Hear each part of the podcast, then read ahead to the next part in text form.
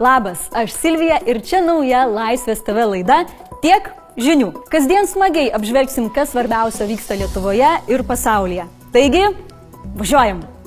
Šiandien Viktorija Kodytė pagaliau pateko į prezidentūrą. Paaiškėjo, su kuo medžiojo stumbrė nušovęs valstietis. Lietuva prapylė ginčą su Gazpromu, gera Domanto Sabonio naktis bei prastas Signalinos vicemero rytas. Ir žinoma, reakcijos į patį žinot ką. Rubrika Pabandom iš naujo. Ir ne, aš ne apie Euroviziją, dar ne dabar. Pagaliau iš antro bandymo pavyko įteikti nacionalinę premiją už asmenybę žymę šio laikinėme teatre aktoriai Viktorijai Kuodytei. Privati ceremonija vyko ne baltojoje salėje kaip įprasta, o mažesnėje mėlynoje. Po premijos įteikimo prezidentas, ministras ir Kuodytė nusišalino asmeniniam pokalbiui. Primename, kad laureatė neįlėsta į iškilmingą šventę ketvirtadienį, nes A. Nepasėmė su savim kvietimo, B. Jos neįtraukė į dalyvių sąrašą. Žodžiu, tiesiog, nu, išnyko. Toks feilas sukėlė audrą socialiniuose tinkluose. Ta pati vakarą į kodytę spektaklį su gėlėm ir atsiprašymu lėkė kultūros ministras Vietkauskas ir prezidento patarėja Šulce. Įdomu, kaip jie pateko į teatrą? Turėjo kvietimus, ar pirko bilietus, ar tiesiog atėjo? Gitanas Nausėda apgailestavo moderniau per Facebooką. Atlikėjas Andrius Mamontovas siūlė klaidą ištaisyti padvigubinant premijos sumą.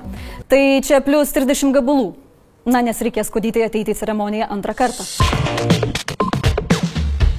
Štai čia matote stumbrą. Čia šerną. O štai čia žmonės, kurie nesugeba šitų dviejų gyvūnų atskirti. BNS paviešino naujas pavardės nušautos stumbrės istorijoje.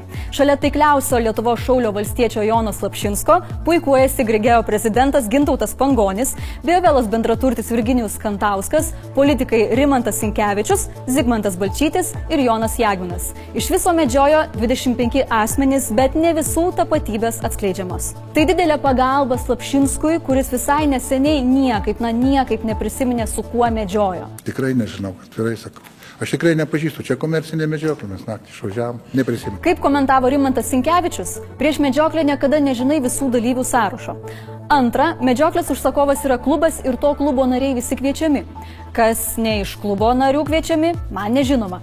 Pirmoji medžiotojų klubo taisyklė - niekam nepasakok apie medžiotojų klubą.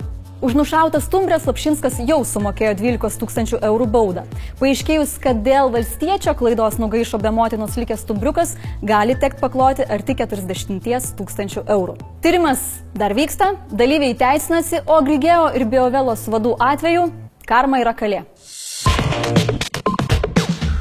Aštuoneri metai ir pralaimėjimas. Pagal geriausias futbolo tradicijas prapylėm ginčą su Rusijos dujų koncernu Gazprom dėl beveik pusantro milijardo eurų. Stokholmo arbitraže gavom į skudurus kaip švedai prie Poltavos. Nors ne, futbole būtų vieneri metai ir aštuoni pralaimėjimai, ar ne? Kaip viskas buvo? Pirmieji atakavo Gazprom, padavė mus į teismą, kad atskiriam dujų gamybą nuo tiekimo. Anksčiau viskas buvo Gazprom rankose. Tada Lietuva kontratakavo reikalaudama kompensacijos dėl nesažiningos dujų kainos. Abi pusės apsikeitė smūgis, bet nei vienai nepavyko pasiekti įvarčio ir iš pradžių Stokholmo arbitražo teismas, o vėliau apeliaciniai teismai nusprendė fiksuoti lygiasias.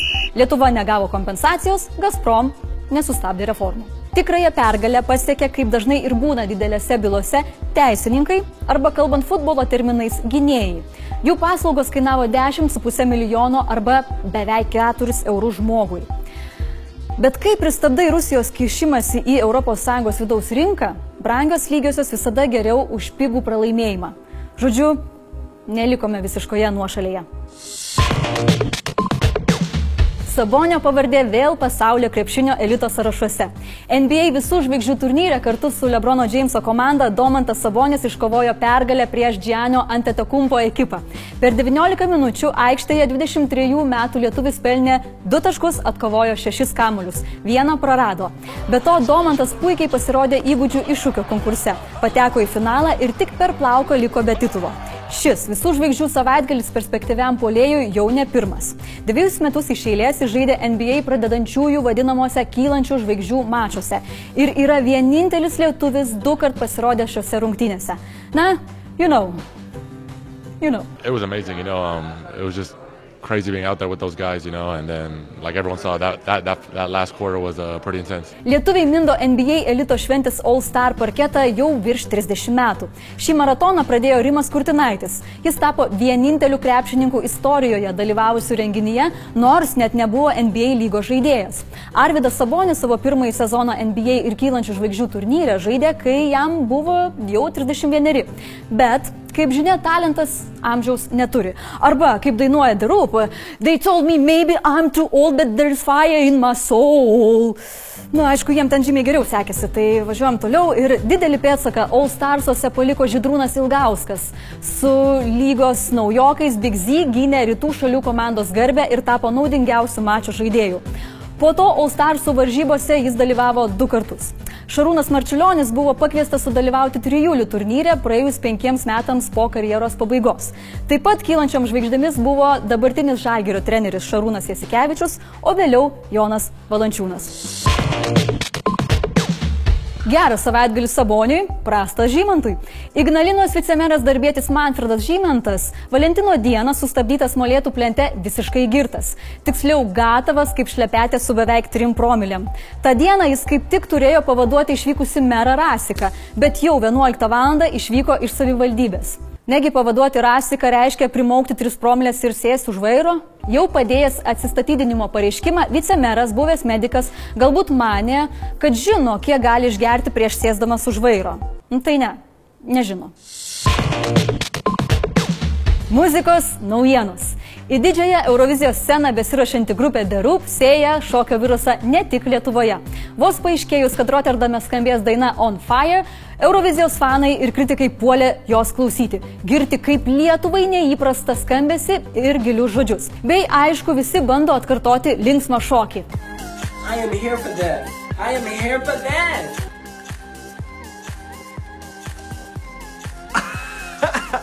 I think that means where's my hair?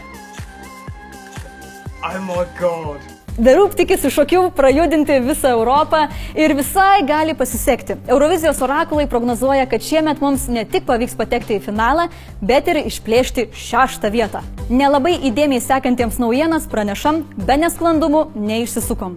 Paaiškėjo, kad dalis balsų buvo neįskaityti. Kita diena po Valentino siūsti SMS ir negauti atsakymo tikrai yra liūdna. Bet LRT atstovai ramino. Roop taip užtikrintai laimėjo, kad jokie nesklandumai laimėtojo pakeisti negalėjo.